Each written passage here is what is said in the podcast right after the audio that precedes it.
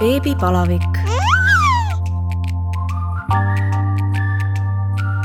tere tulemast kuulama Õhtulehe podcasti Beebipalavik. mina olen saatejuht Katariina Toomemets ja täna on minu külaliseks Kiia Paal, kellega me räägime hüpnosünnitusest.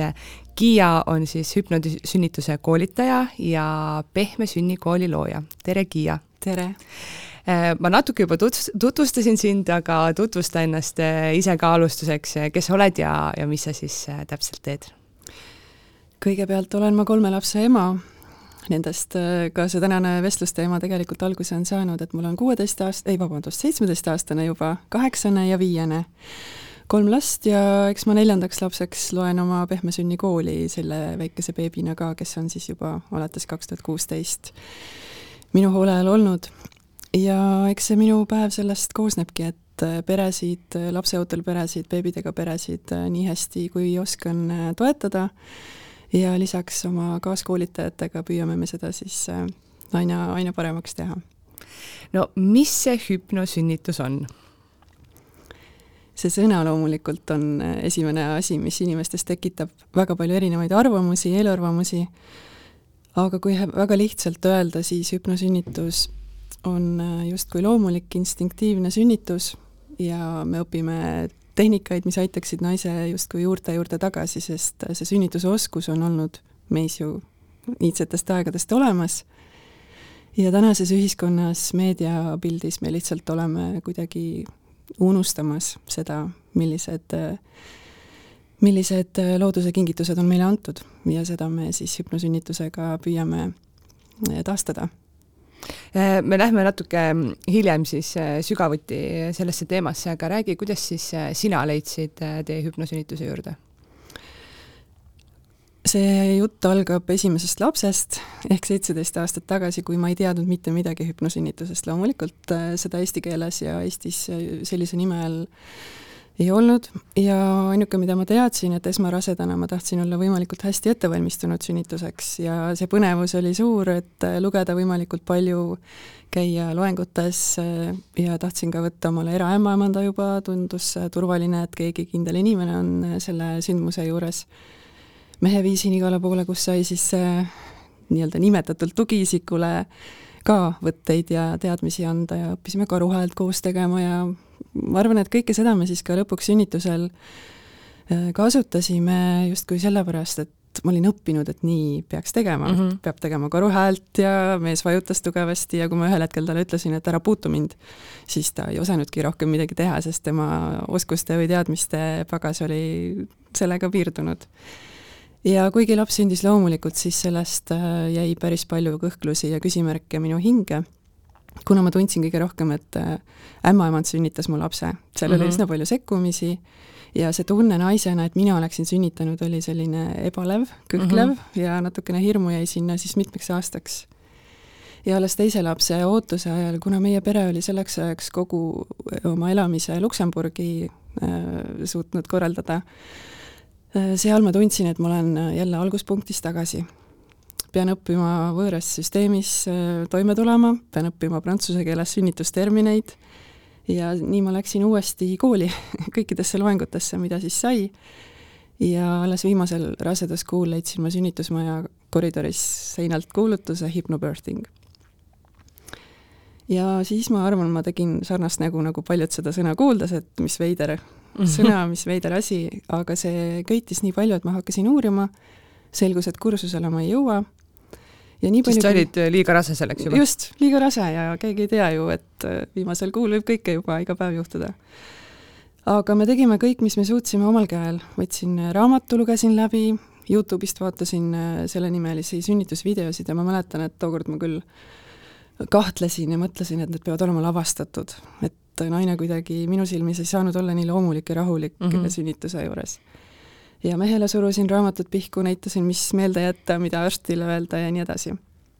ja ma pean ütlema ka seda, et Luksemburg on Eestiga võrreldes äh, ähm, palju meditsiinilisema lähenemisega sünnitusele, et Eestis on tegelikult väga hea äh, sünnitust äh, oodata ja seal olla, aga nii palju isegi meie ettevalmistusest aitas, et see sünd, teise lapse sünd oli niivõrd ilus kogemus ja põhjusel, et ma tundsin ja teadsin, mõistsin mis mu kehas toimub täpselt, miks mingisugused tehnikad aitavad äh, mul neid tundmusi leevendada ja ma oskasin ennast aidata ja samamoodi oli mu mehel palju rohkem äh, nii-öelda tööriistu äh, kaasa võtta ja mind siis mõista ja aidata paremini.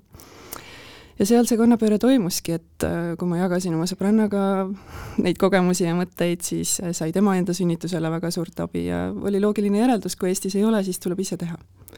ja sündiski Pehme sünnikool no kas see Pehme sünnikooli käimalükkamine, ma kujutan ette, et äh, oli ikkagi natuke keeruline protsess ka?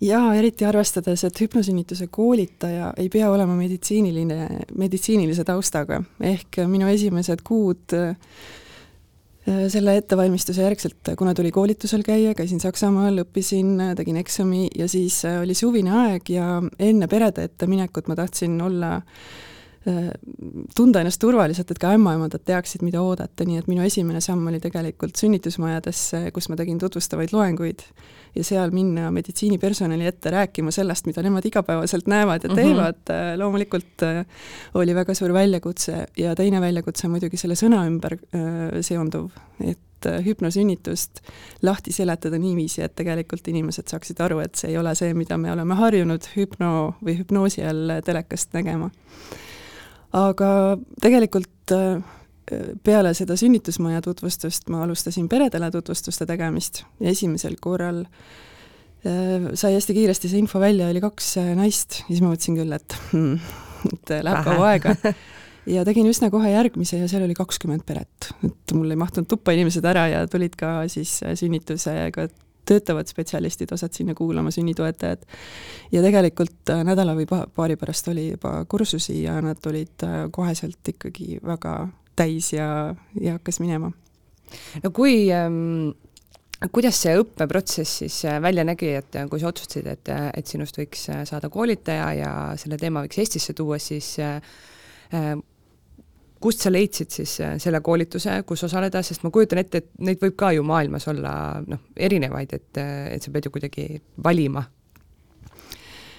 minu äh, valik oli kõige selle enda ettevalmistuse poolelt äh, siis hüpnosünnituse originaalmeetod ehk äh, Maria Mongan on äh, selle meetodi autor, ta on ameeriklane terapeut, pedagoog, äh, kes siis tuhat üheksasada kaheksakümmend üheksa kirjutas oma teadmised raamatuks ja sealt edasi on siis seda koolitustena üle maailma pakutud. ja sellel on kindel formaat kestvuses, sisus, struktuuris ja ta ühendab siis nii praktilise poole kui, kui teoreetilise sünnitusteadmise. ja valisingi loomulikult sellepärast, et et äh, ma olin ise sellest abi saanud ja pikalt äh, töötanud meetodis äh, võiks olla see turvatunne või usaldus mm -hmm. sees, et palju programme on sellest välja kasvanud ja selle tõttu ka siin ringi vaadates tekib paljudel küsimus, et milline no neid hüpno algusega sõnu on mitmeid ja on online koolitusi ja tasubki vaadata, et mida on siis millestki välja jäetud, sest kui sa jätad teooriat välja, siis ei, ei ole sul võib-olla sünnituses piisavalt teadmisi, mis on perekooli mm -hmm. tasandil olulised. ja kui ei ole praktikat, siis äh, raamatust äh, lõdvestusi õppida on päris keeruline kuidas see Luksemburgis oli, et sa ütlesid, et seal on ähm, see sünnituse teema on hästi meditsiiniline, äh, kuidas nemad selle hüpnosünnituse ähm, asja üldse vastu võtsid, kas oli see neil levinud või, äh, või nad ikkagi vaatasid ka, et äh, noh, et mis, mis asja sa nüüd siin teed? Äh, see ongi natuke kummaline, et seal oli ta juba mitmeid aastaid tuntud, see koolitaja, kes peamiselt Luksemburgi riigis neid kursusi tegi, oli ise ämmaemand ja ta tegi neid koolitusi sünnitusmaja ruumides ja, ja personal tõenäoliselt tundis ka ennast siis turvalisemalt, kui mm, -hmm. kui see info on tulnud ämmaemanda kaudu. et erinevus ennekõike seisneb selles, et arstil on suurem roll sünnitaja sünnituse kulus kui ämmaemandal, et talle, ta on siis seotud kogu oma raseduse ühe arstiga, kes lõpuks tuleb ka sünnitusele mm. -hmm. et ühest küljest on see isegi võib-olla positiivne, sest sul on üks järjepidev hool, et sul on üks inimene, kes sind kogu raseduse aja toetab, mis võiks olla väga heade tulemustega tegelikult.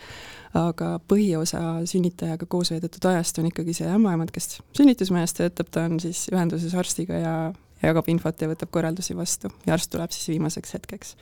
et selles osas äh, arsti ja ämmaemanda vaade sünnitusele või kogemus on ka natukene erinev, et et ämmaemandad tõenäoliselt on näinud rohkem loomulikke sünnitusi mm -hmm. kui arstid, sest arstid peavad lahendama keerulisi olukordi ja võib-olla nii tihti ei satugi siis loomuliku sünnituse juurde, selle võrra nende ka võib-olla soovitused ja see lahenduskäik sünnitajale pakutav on äh, seal natuke erinev.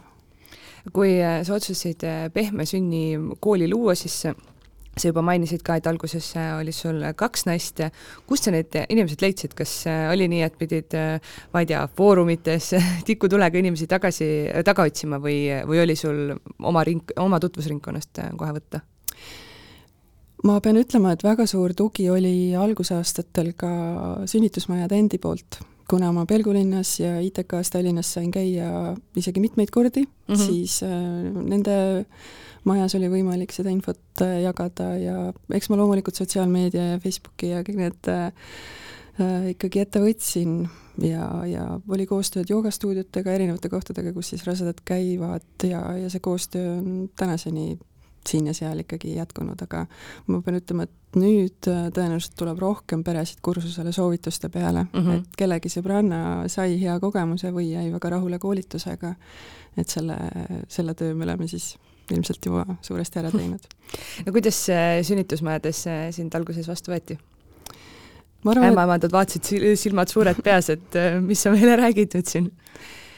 jah, see oli infotund loomulikult äh, selleks, et üldse anda mõista, kuidas perede ootused võivad olla sünnitusele tulles, mida nad seal kursusel õpivad äh, huvi oli suur, et see uudishimu, ma arvan, oli see põhiline mm -hmm. ja kindlasti on tänaseni ämmaemandaid, kes äh, ei ole väga palju süvenenud või, või kuulnud neid äh, sisuloenguid ja suhtuvad ka skeptiliselt, aga väga palju on ähm, perede tagasisidest ikkagi seda juba, et et ämmaemandad mõistavad ja, ja saavad aru ja meil alles hiljuti õnnestus ka suure suure hulga ämmaemandate ees äh, sellist infokoolitust teha ämmaemandate ühingu kaudu.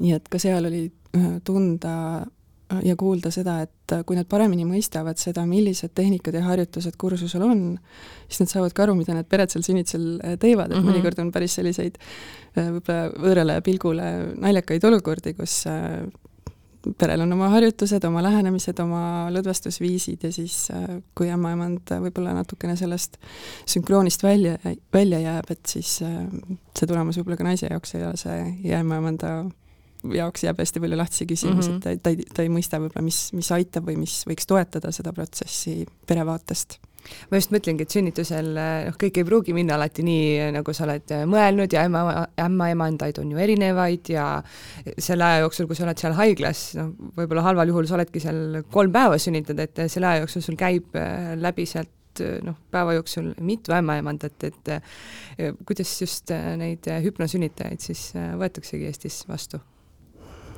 ma arvan, et neid kogemusi on üsna erinevaid, et päris nii ühte vastust on raske anda no eks see olenebki, nagu sa ütlesid ka, et et kui palju ämmaemandad ise ka nende asjadega kursis on, on ju mhm.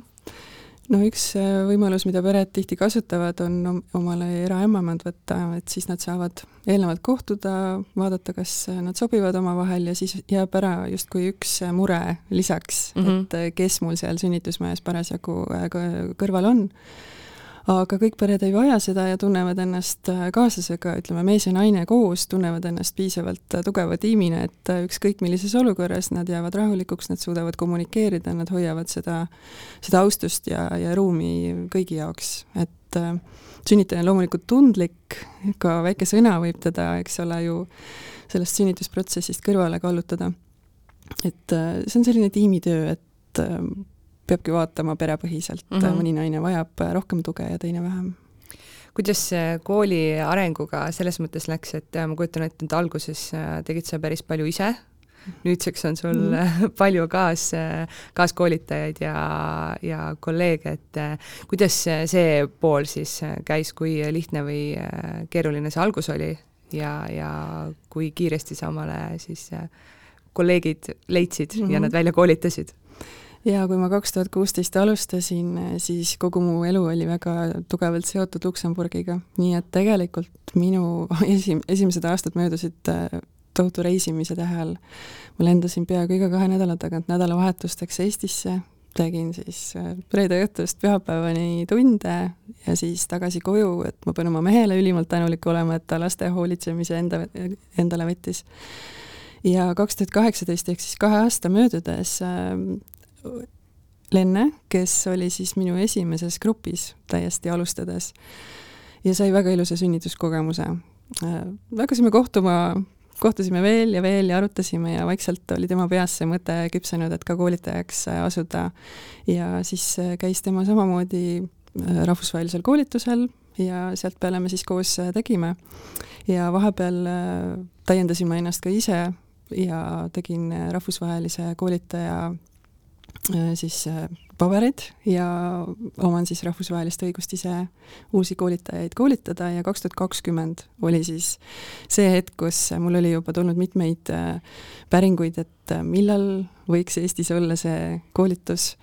Ja kuna küsijaid oli, siis mõtlesin, et olgu, teeme nüüd ära. Ja sealt alates on meid siis kokku kuus, kolm Tartus, kolm Tallinnas ja kõik on äh, siis Pehme Sünni kooli all või keegi on kuhugi mujale ka juba liikunud?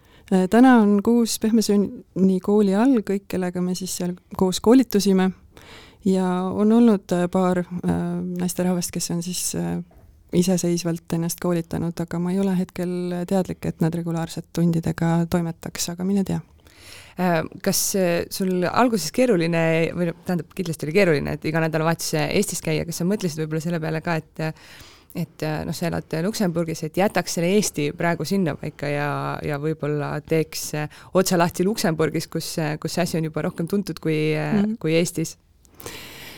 Mul oli seal ka peresid, keda ma sain toetada, selles osas ei olnudki, aga lihtsalt perega elu on tänaseks liikunud sinna, et me oleme kõik tagasi Eestisse mm ennast sättinud ja ausalt öeldes see tunne, mida ma sain Eestis peresid toetades, seda on raske millegiga võrrelda, ehk et minu jaoks on see täna missioon ja kutsumus, et see on muutnud mu karjääri, minu hu huvisid, mees naerab juba sõpradele mitu aastat, et naine läks sünnitama kuus aastat tagasi, ta ei tea, millal ma koju tulen.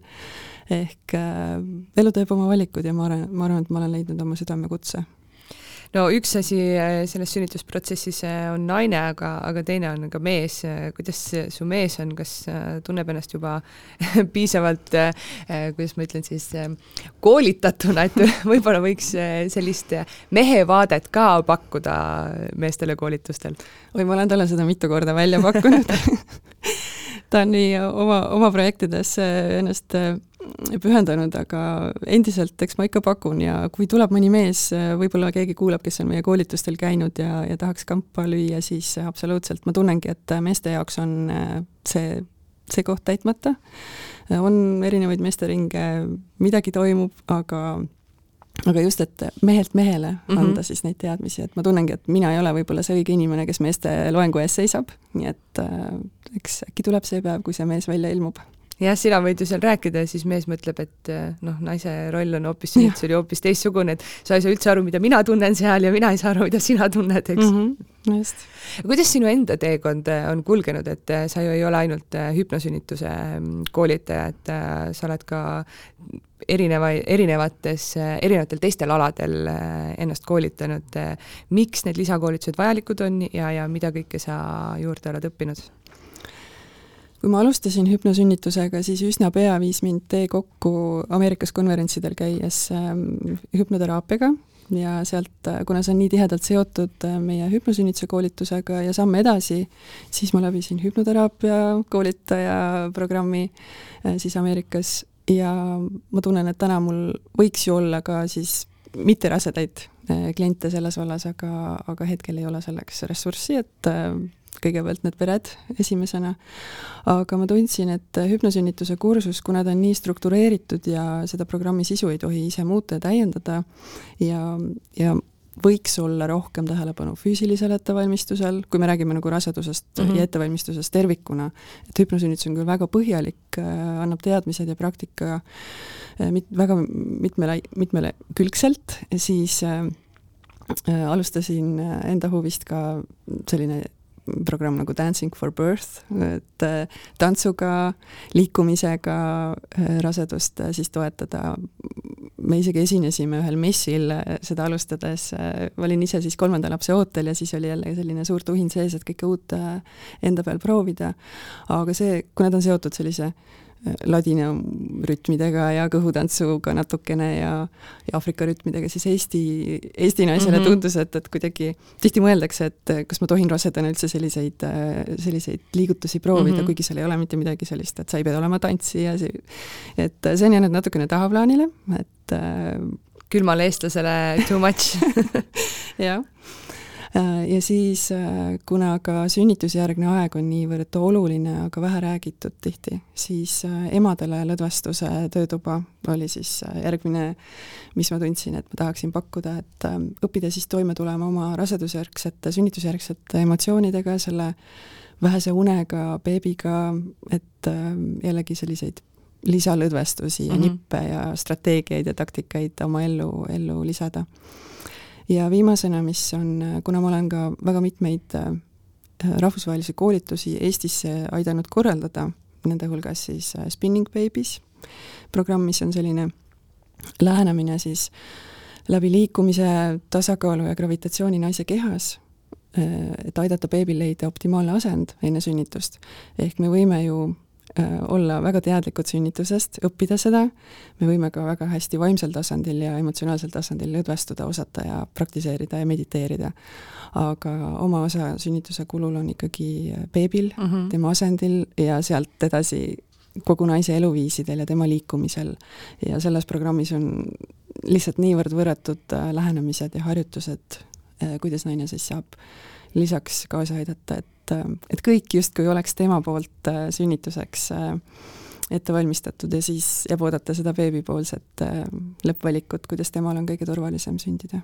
kas võib siis põhimõtteliselt lihtsustatult öelda, et noh, mõnikord on ju laps vales asendis mm -hmm. valet pidi, et et siis selle spinning babies tehnikatega on võimalik siis mitte füüsiliselt sekkudes mm -hmm. lapsel aidata ennast õiget pidi keerata? just, ja mitte ainult raseduse ajal, vaid ka sünnitusel, näiteks kui on ämmaemand mm -hmm. teadlik nendest võtetest või tuula sünnitoetaja naisega kaasas, et ka siis on olukordi, kus on äh, imelisi lugusid ja seda on veel eriti rõõm öelda, et äh, sügisel said ka Eestis ämmaemandad võimaluse ja väga paljud osalesid, nii et meil on sünnitusmajades nüüd ka nende teadmistega väga mitmeid ämmaemandaid kui palju äh, sellel alal üldse ennast äh, peab äh, nii-öelda järelkoolitama, et kas on nii, et käid sellel hüpnosünnituse koolitusel ära, siis just sinu, sinu enda vaatest, et et käid ära või ikkagi pead näiteks iga aasta, ma ei tea, värskendama teadmisi või, või noh, tuleb sinna mingeid uusi asju, et sa küll ütlesid, et see, et see programm on väga strikt ja noh, kõik on ette kirjutatud, aga mm -hmm. on seal midagi, mida võib-olla iga-aastaselt siis värskendada? Ja selleks, et olla sertifitseeritud, tuleb igal koolitajal äh, ennast kord aastas tõestada, tuleb äh, osaleda täiendkoolitustel, äh, korduvalt tutvuda meie oma materjalidega ja ka Hypnobirthing Instituut, kes on siis selle programmi ja koolituste eest hoolitsev Ameerikas täiendab seda ja, ja uuendab. põhiline, miks kindlasti tuleb kursis olla, on, on äh, tõenduspõhise info uuenemine mm -hmm. ja sünnitusabi praktikas. Äh, ehk ka mina tundsin ja, ja lisaks jah, mille, mis ma enne mainimata jätsin, äh, koolitajana ma ei saa piirduda ainult selle teooriaga ja tundide mm -hmm. sisuga mul on ülihea meel, et meie koolitajate hulgas on ka kaks ämmaemandat, ehk üks Tartu koolitaja, Annika on siis ämmaemand ja Tallinnast Arja, kes pakub äh, ka venekeelseid koolitusi. ehk äh, me saame justkui olla kursis sellega, mis päriselt igapäevaselt sünnitusmajas äh, ette tuleb, et mhm. millised mm -hmm. olukorrad ja kuidas nendest läbi tulla ja ja, ja ka omas programmis me oleme nii palju siiski muutusi teinud ja korra-, ja täiendusi, et me ei saa lähtuda Ameerika praktikast mm, -hmm. vaid ikkagi Eesti omast maailmast ja sellest, mis Eestis äh, kasu äh, teadmistena tuleb, me räägime ikkagi tundides äh, Eesti-põhiselt. ja sünnitoetaja ehk tuula on see tee, mille ma ka siis kõikide nende aastate jooksul olen ette võtnud, et ise olla sünnituste juures perega, see on lihtsalt kõige parem õppimise koht või, või see, et, et sa päriselt näed, mis aitab, kuidas paremini saaks peret toetada sa koolitasid ennast äh, hüpnosünnituse teemal ähm, siis enne seda, kui sündis sinu kolmas laps ja, ja, ja selleks hetkeks, kui äh, kolmas laps siia ilma tuli, olid sa juba väga teadlik, valmis, tark sel teemal. kuidas siis, kui esimese lapse sünd, sa ütlesid, jät-, jättis kõhklusi, teise lapse sünd oli juba ilus kogemus, siis kuidas kolmanda lapsega oli? Ja võiks ju mõelda, et lähed kolmandat korda, et mis see siis ei ole enam, et ei pea midagi mõtlema ja lähed mütsiga lööma mm,. ei ole minu puhul küll võimalik nii öelda.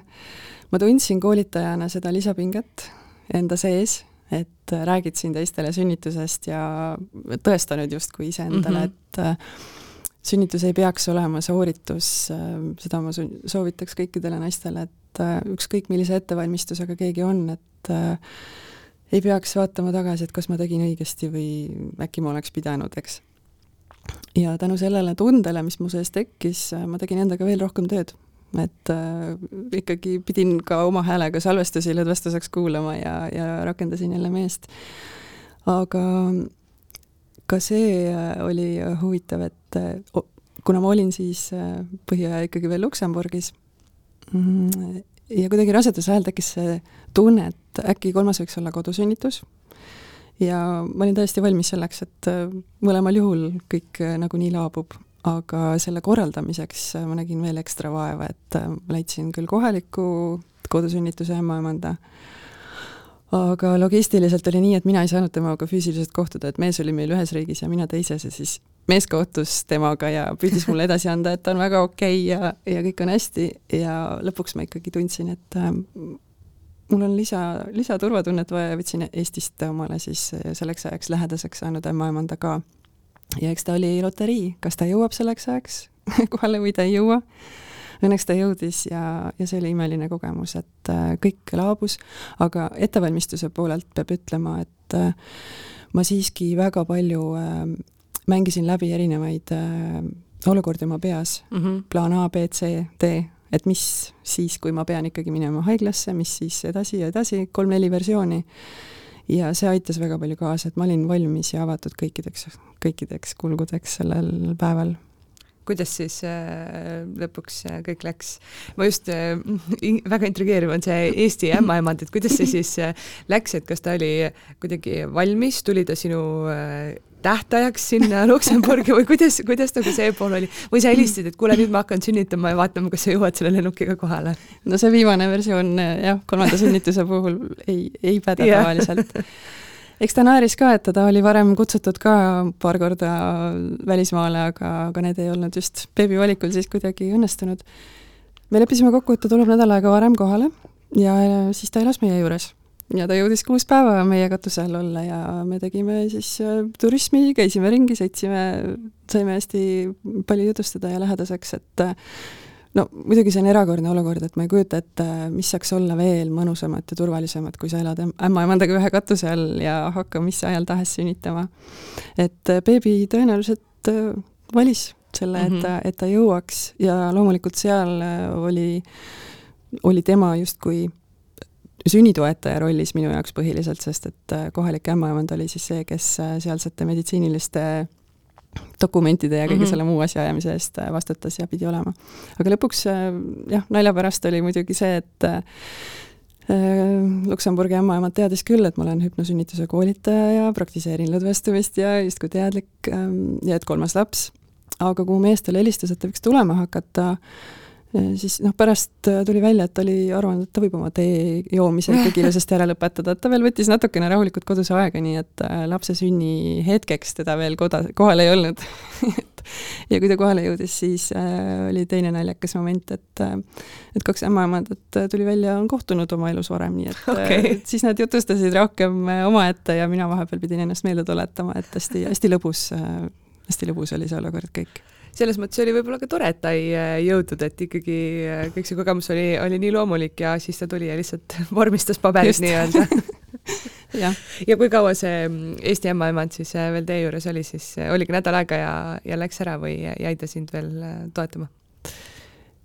ta oli kas võib-olla üks-kaks päeva veel, me igatahes jõudsime järgmisel päeval käia veel Luksemburgi eestlaste lauluringis koos laulmas kuna see lihtsalt asus äh, meie kodust üle tee ja Eesti naised seal iga nädal kogunesid, siis ma tundsin ennast kuidagi piisavalt hästi, et beebi magas, käisime seal pool tundi või tunnikene, laulsime mõned laulud kaasa kuidas sa siis neid kolme sünnitust lõppkokkuvõttes võrdled, mis, mis pärast seda esimest olid sinu enda need kõige suuremad kõhklused ja kahtlused ja, ja võib-olla hirmud, mis õhku jäid? No seal oli sellist äh, valikute valikute rohkust ehk äh, tagantjärgi võikski mõelda, et võib-olla oleks olnud mõni teine valik äh, turvalisem või mitte siis tagajärgedega ähm,. no tõenäoliselt beebil oli raskusi välja saada ja, ja siis oli ämmaemandal oli oma lahendus mm, -hmm. arstil kolmas ja meie siis perena võib-olla hoidsime seda kolmandat joont, et äh, lõpuks välja ta sai, aga aga ma ei oskagi öelda, mis see, mis see põhiline tunne on, võib-olla see ega ma ju lõdvestuda sel hetkel küll väga ei mhm. osanud mm, -hmm. et äh, kuna sel oli vaja meditsiiniliselt abistada seda sünnituse kulgu ja stimuleerida, siis äh, need tunded on kordades võimsamad tihti, et sellega ise toime tulla, hakkama saada. Mm, selleks annab valmistuda. et ikkagi esmasünnitajale ilmselgelt sina soovitad hüpnosünnitust, aga, aga ikkagi soovitada, et, et saab õppida ennast paremini lõdvestama ja kuidagi absoluutselt, no isegi kui äh, ettevalmistuseks valida näiteks joogas käimine rasedana, siis seal on äh, mitte ainult füüsiline pool, vaid ka vaimne ja see lõdvestuste pool mm -hmm. olemas. ehk see painduvus juba nii või teisiti on väga hea kehaliselt. Ja tasakaal, tasakaal keele, keha ja meele vahel on, on üks põhivõtmeid, sest meie keha teeb seda, mida meel ütleb. ehk et me saame seda ühte või teistpidi mõjutada aga ettevalmistus võiks olla lühidalt äh, nii vaimne, füüsiline kui äh, siis emotsionaalne.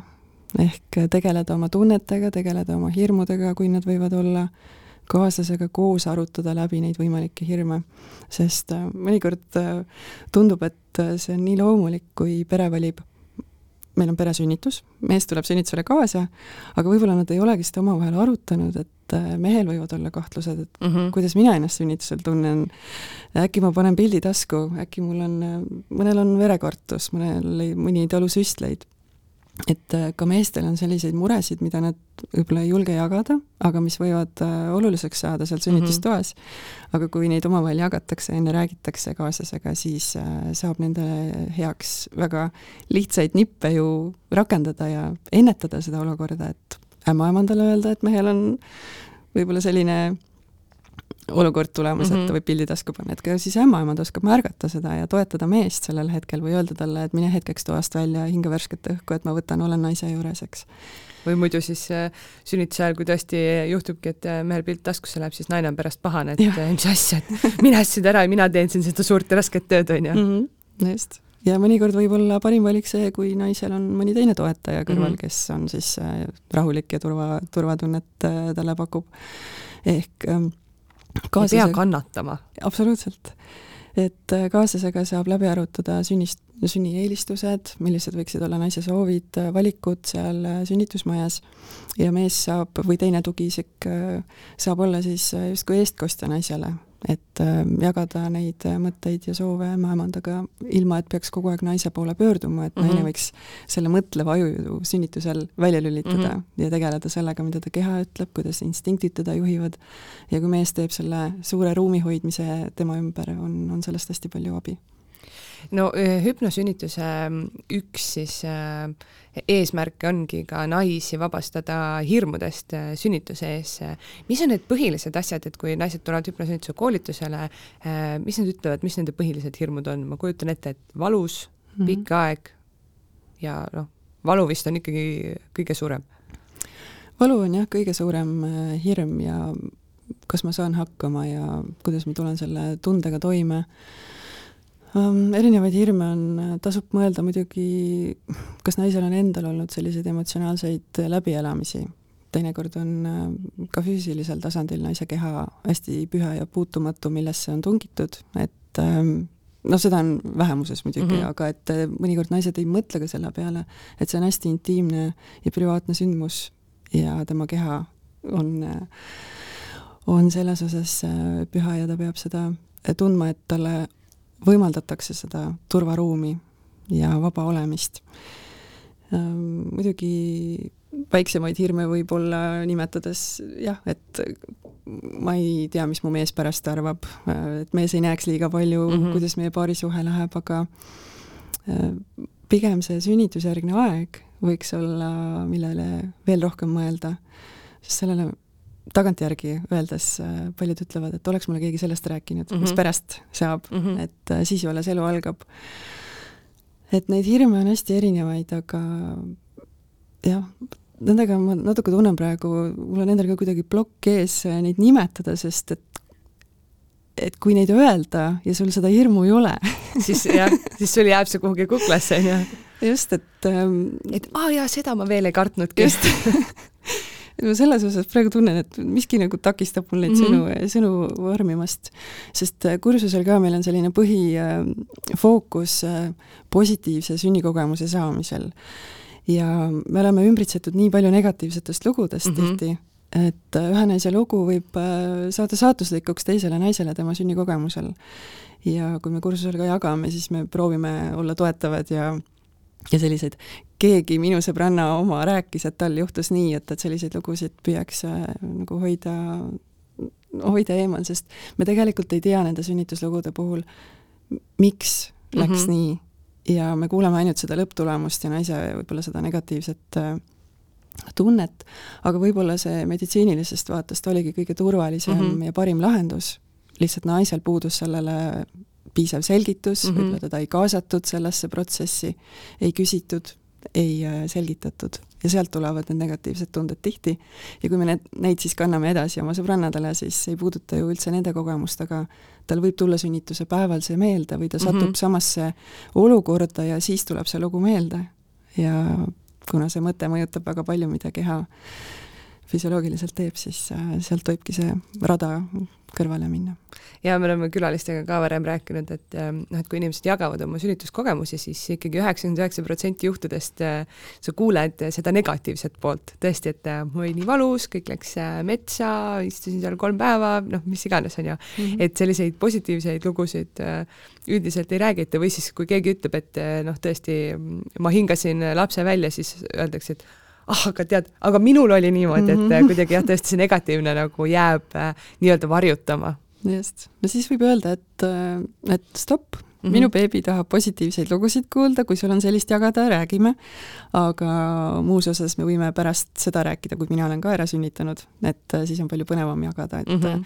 valida saab, mida sa kuuled ja kuulad. sest äh, sa võid küll mõelda, et see on kellegi teise lugu ja ma unustan selle ära ja see ei puuduta mind, aga sa oled seda kuulnud mm. -hmm.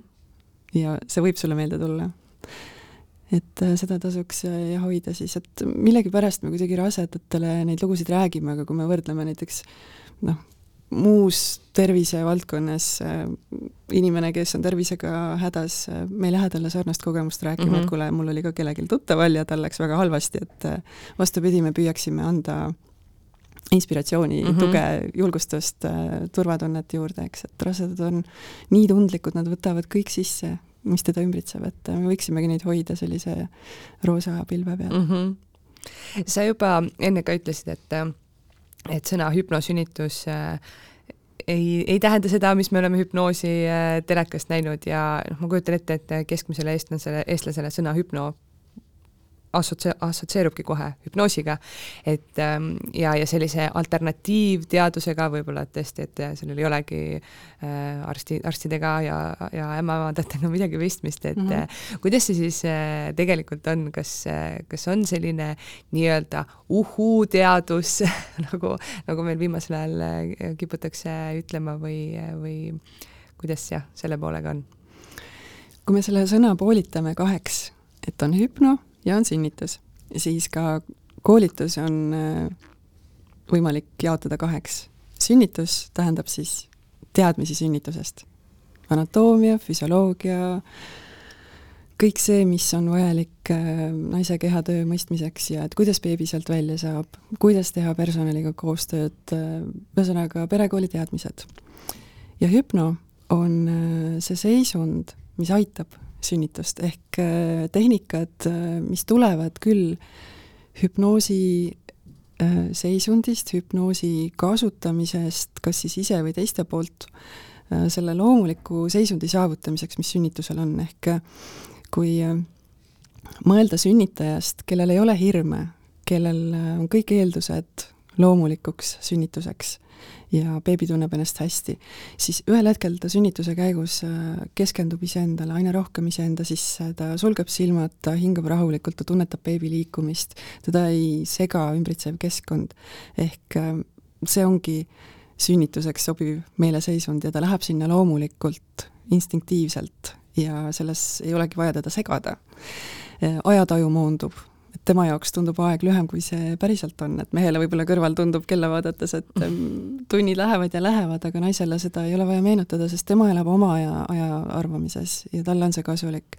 et loodus on nii palju kinke naisele andnud, et äh, ka pärast sünnitust tihti naised ei mäleta paljusid detaile, et äh, et see aju lihtsalt kaitseb ja blokeerib negatiivset.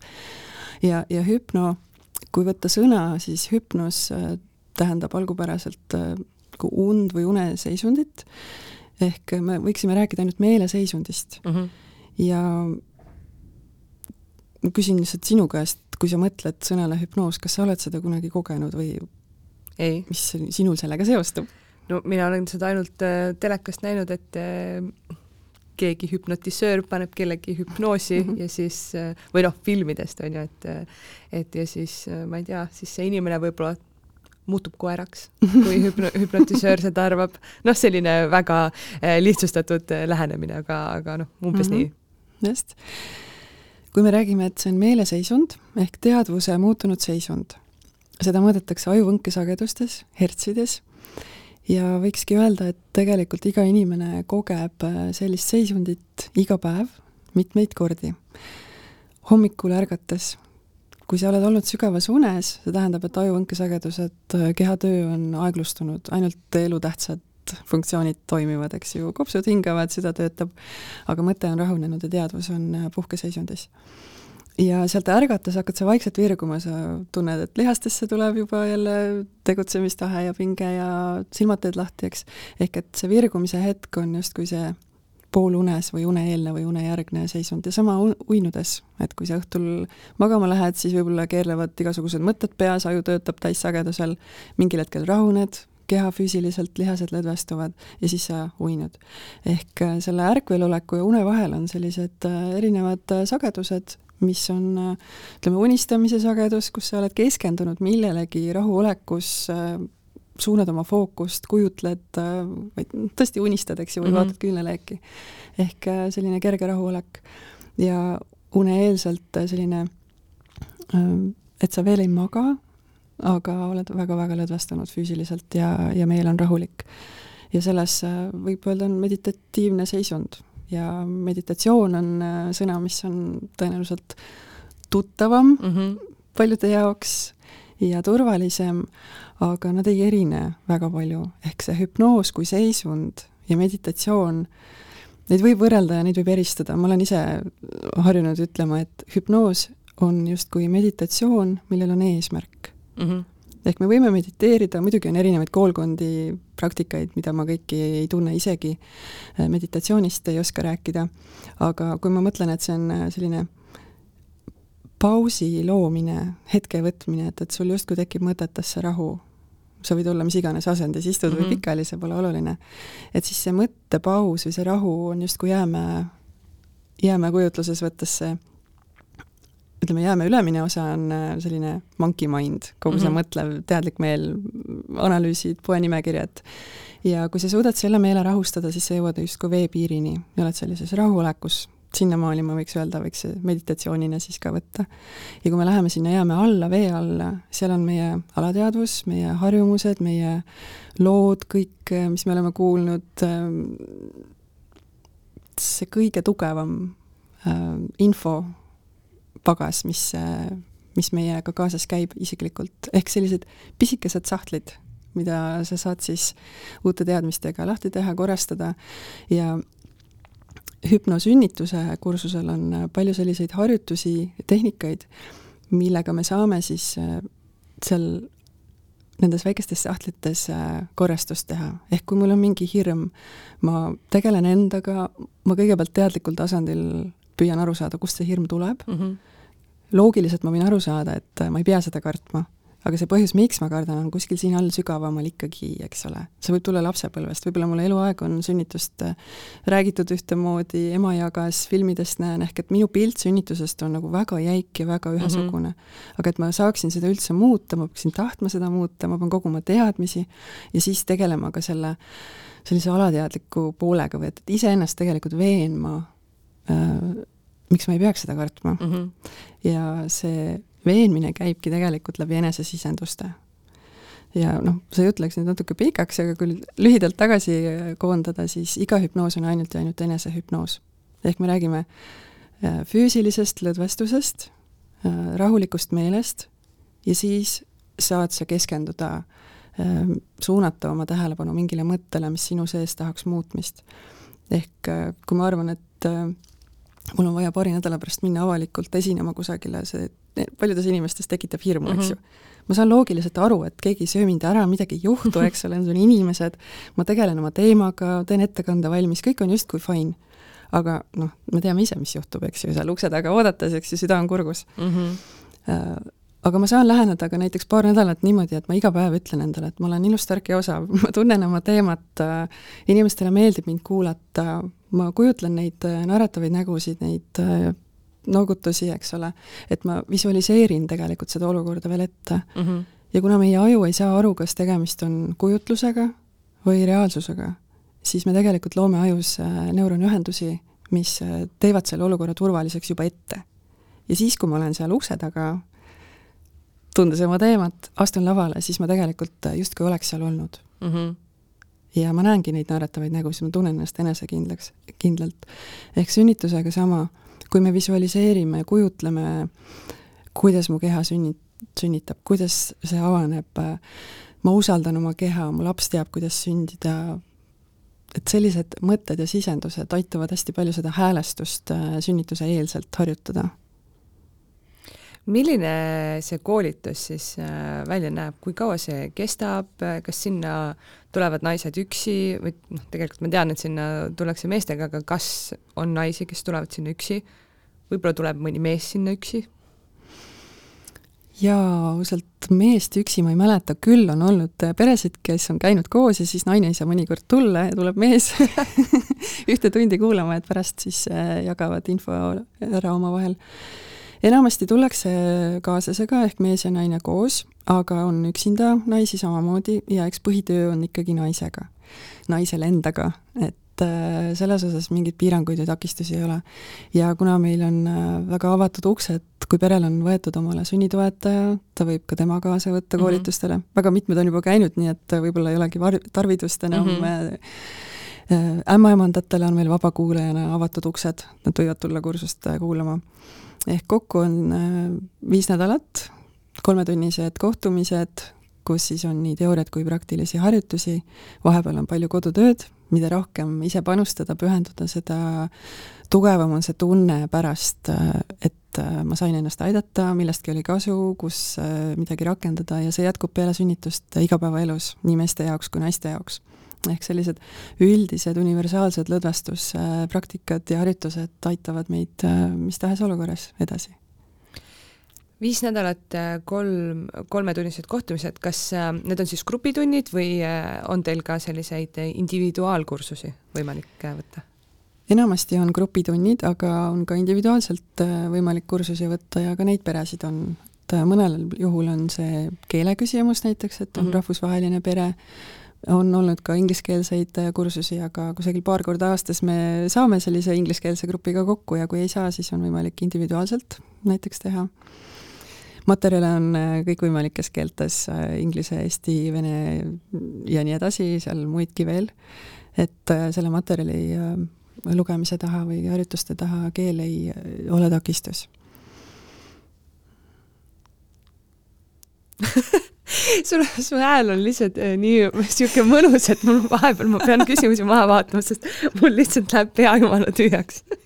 praegu selle võid pärast välja lõigata ja aga kui palju äh, naisi satub teil äh, või tähendab, kui paljud naised tulevad võib-olla ühekaupa ja miks siis mehed ei tule, kas siis ongi needsamad põhjused, et võib-olla äh, kardan verd süstleid, ei taha minna sünnitustuppa kaasa?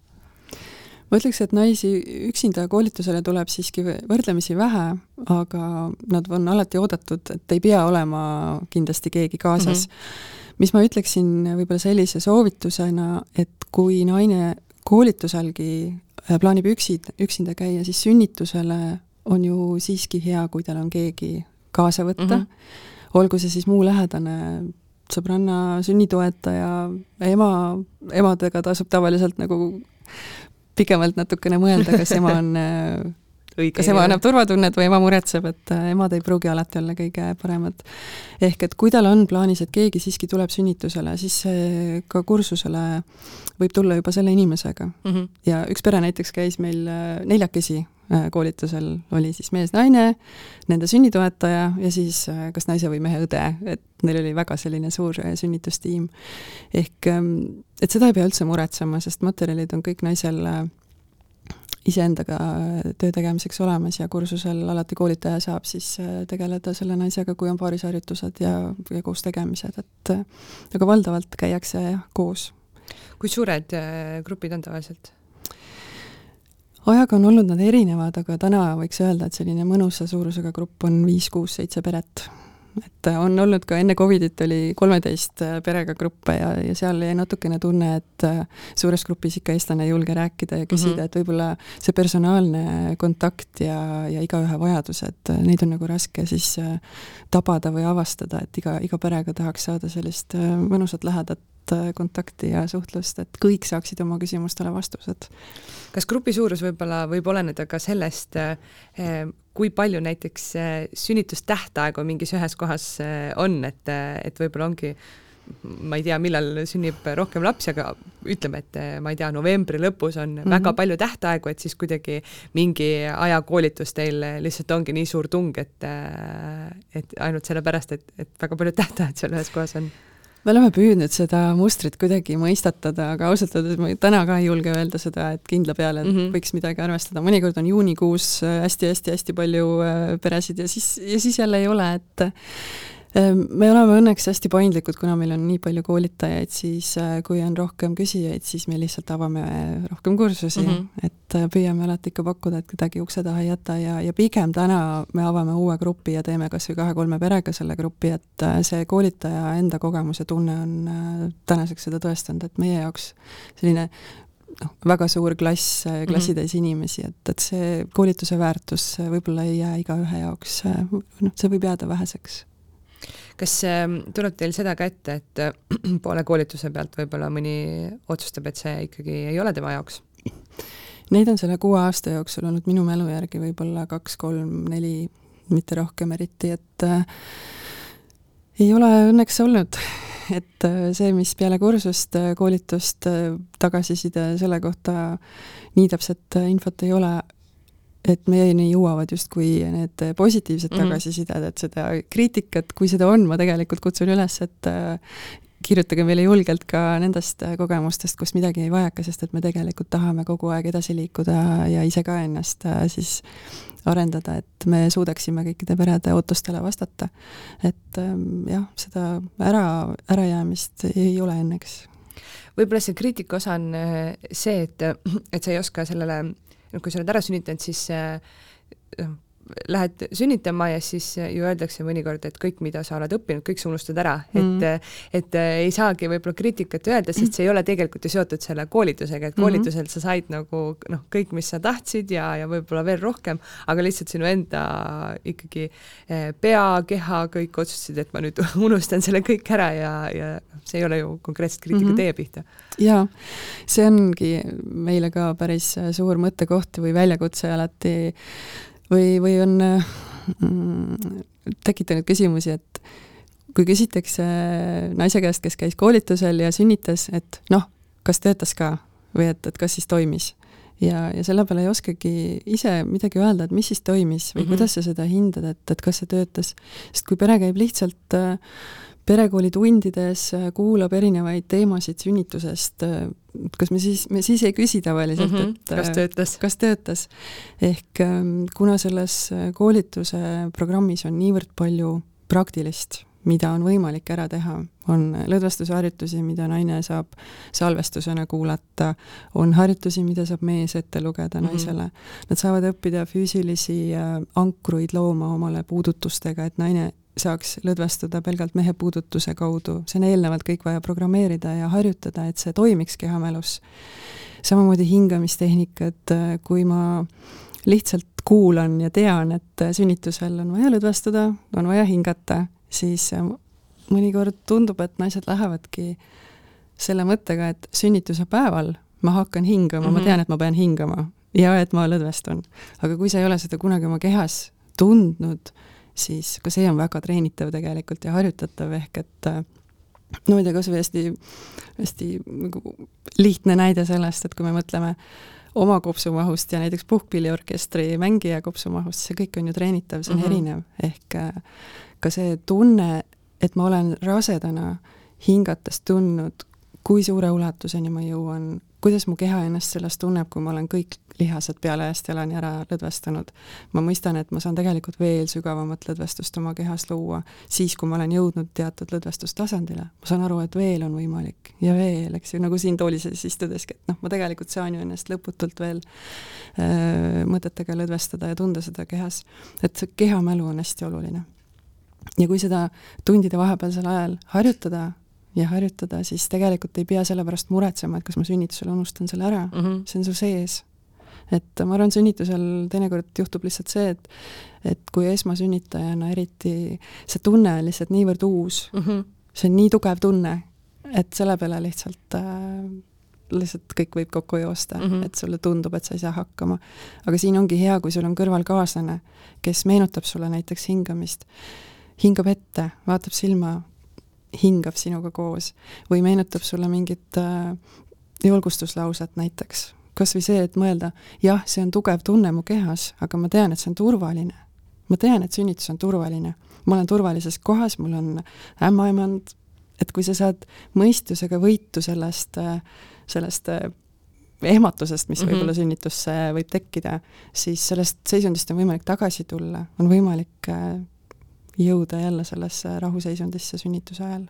ja ehmatus vist äh, ongi õige sõna, et, et kuidas sa sellest ehmatusest nagu üle saad mm? -hmm millal äh, peaks siis äh, hüpnotsünnituse koolitusele tulema rasedusnädalate mõttes, et kui sa ütlesid, et sa olid viimast kuud rase ja, ja oli juba liiga hilja, kas on mingi kõige parem aeg, ma ei tea, näen kaks triipu mm -hmm.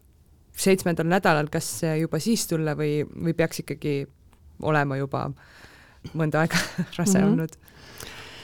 see on väga levinud küsimus ja sellele on hästi erinevaid vastuseid, et äh, kuldne kesktee võiks olla raseduse keskpaik, siis tavaliselt naine tunnetab juba beebit, et kõht on kasvanud ja beebi liigutab ja mõtted hakkavad vaikselt sünnitusele liikuma. enne seda võib-olla see rasedus ei olegi nii igapäevaselt äh, selline fookus. Äh, aga naisel, kellel on rohkem muresid, raseduse algusest aja, alates äh, seda ebakindlust, siis ma soovitaksin pigem tulla varem, sest äh, kursuselt saab juba küsimused, enamikele ma usun nendest vastust mm, -hmm. vastused nendele küsimustele.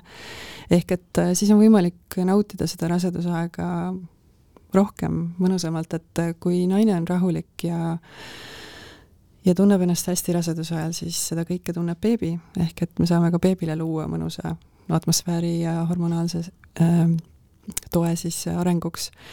ja samas me oleme hakkama saanud ka viimase hetke tulijatega, et sellisel juhul lihtsalt kombineerime need tunnid nii, et saab võib-olla kursuse läbitud kahe-kolme nädalaga ja mm, -hmm. ja ka saab abi või siis kas või mõnest kohtumisest äh, individuaalselt, et mõnel on ainult vaja kuidagi olemasolevad pusletükid kokku saada mm, -hmm. et äh, see kõik on ju niivõrd loogiline ja ega me ei räägi loomulikust sünnitusest või üldse sünnitusest kuidagimoodi äh, mingit revolutsioonilist teadmist ei ole meie kursusel, see kõik on füsioloogia, mhm. anatoomia mm, -hmm. kõik selle sünnituse ümber äh, koonduv on ju tõenduspõhine ja noh, füsioloogiline teisest küljest samamoodi. aga mõnel on äh, vaja seda meenutust lihtsalt mm, -hmm. et aru saada, et jaa, meie keha, jah, muidugi, kui ma olen hirmul, siis mu keha läheb võitle, võitle-põgene reaktsiooni. ja siis ma saan aru jah, et mul pulss tõuseb ja hingamine mm -hmm. kiireneb ja lihased on pinges. ja see on vastand sellele, mida me sünnitusel vajame. sünnitushormoonid äh, töötavad siis, kui sa oled lõdvestunud, kui sa oled rahulik ja, ja mõlemas suunas me saame neid äh, hormoone ise aidata enda kehas juurde toota. ehk kui ma ise teadlikult suunan kehas lõdvestust, suunan ennast rahulikuks, siis keha hakkab tootma neid hormoone, mis aitavad sünnitust. ja kui ma ise peas suudan mõelda omale hirmu, ma lähen pingesse. ehk äh, kui meie pähe mahub üks mõte korraga, siis me saame seda ka valida ja me saame seda vahetada ja keha on robot. ehk igale meie mõttele vallandub äh, kehas emotsioon ja biokeemiline reaktsioon. ehk kui sa praegu kujutaksid ette, et sul on siin laual üks ilus kollane sidrun ja sa võtad selle sidruni, lõikad pooleks ja vaatad seda sidrunimahla voolamas lauale. ja sa kujutad ette, et sa võtad selle sidruni ja hammustad seda. ja see sidrunimahl voolab sulle suhu. ja sa tunned võib-olla selle maitset. kas sa tunned, et su kehas midagi toimub? jaa, ma tunnen, et mul hakkab sülg voolama no just, aga ma võin öelda kuulajatele, et meil ei ole siin laual sidrunit. aga su aju ei tee vahet ja keha reageerib, et see ongi see põhiline ahaa-moment, mida me tegelikult ju võiks, noh, me ju teame seda mm -hmm. ja kogeme seda igapäevaselt, aga kui me seostame selle sünnitusega ja sellega, kui palju me saaksime seda teades iseennast äh, suunata ja juhtida oma keha, siis äh, see ongi see võti. väga põnev väga põnev, Kiia, suur aitäh sulle ehm, võib-olla isegi, kui äh, kunagi peaks teise lapse saama, leian ka tee hüpnotsünnituse koolitusele, sest see juba lihtsalt äh, tundub põnev äh, aitäh sulle ja edu teile tegemistes äh, naiste ja ka meeste toetamises ja ma ikkagi loodan, et kuskilt see üks mees ka välja lõpuks ilmub mm, -hmm. kes teie juurde mehi tuleb koolitama. just, suur tänu sulle kutsumast ja loodan, et äh, kõik saavad kogeda pehmeid sünde. Aitäh kuulamast! aitäh! kuula beebipalavikku üle nädala neljapäeviti Spotify'st, iTunes'ist või kust iganes oma podcast'id leiad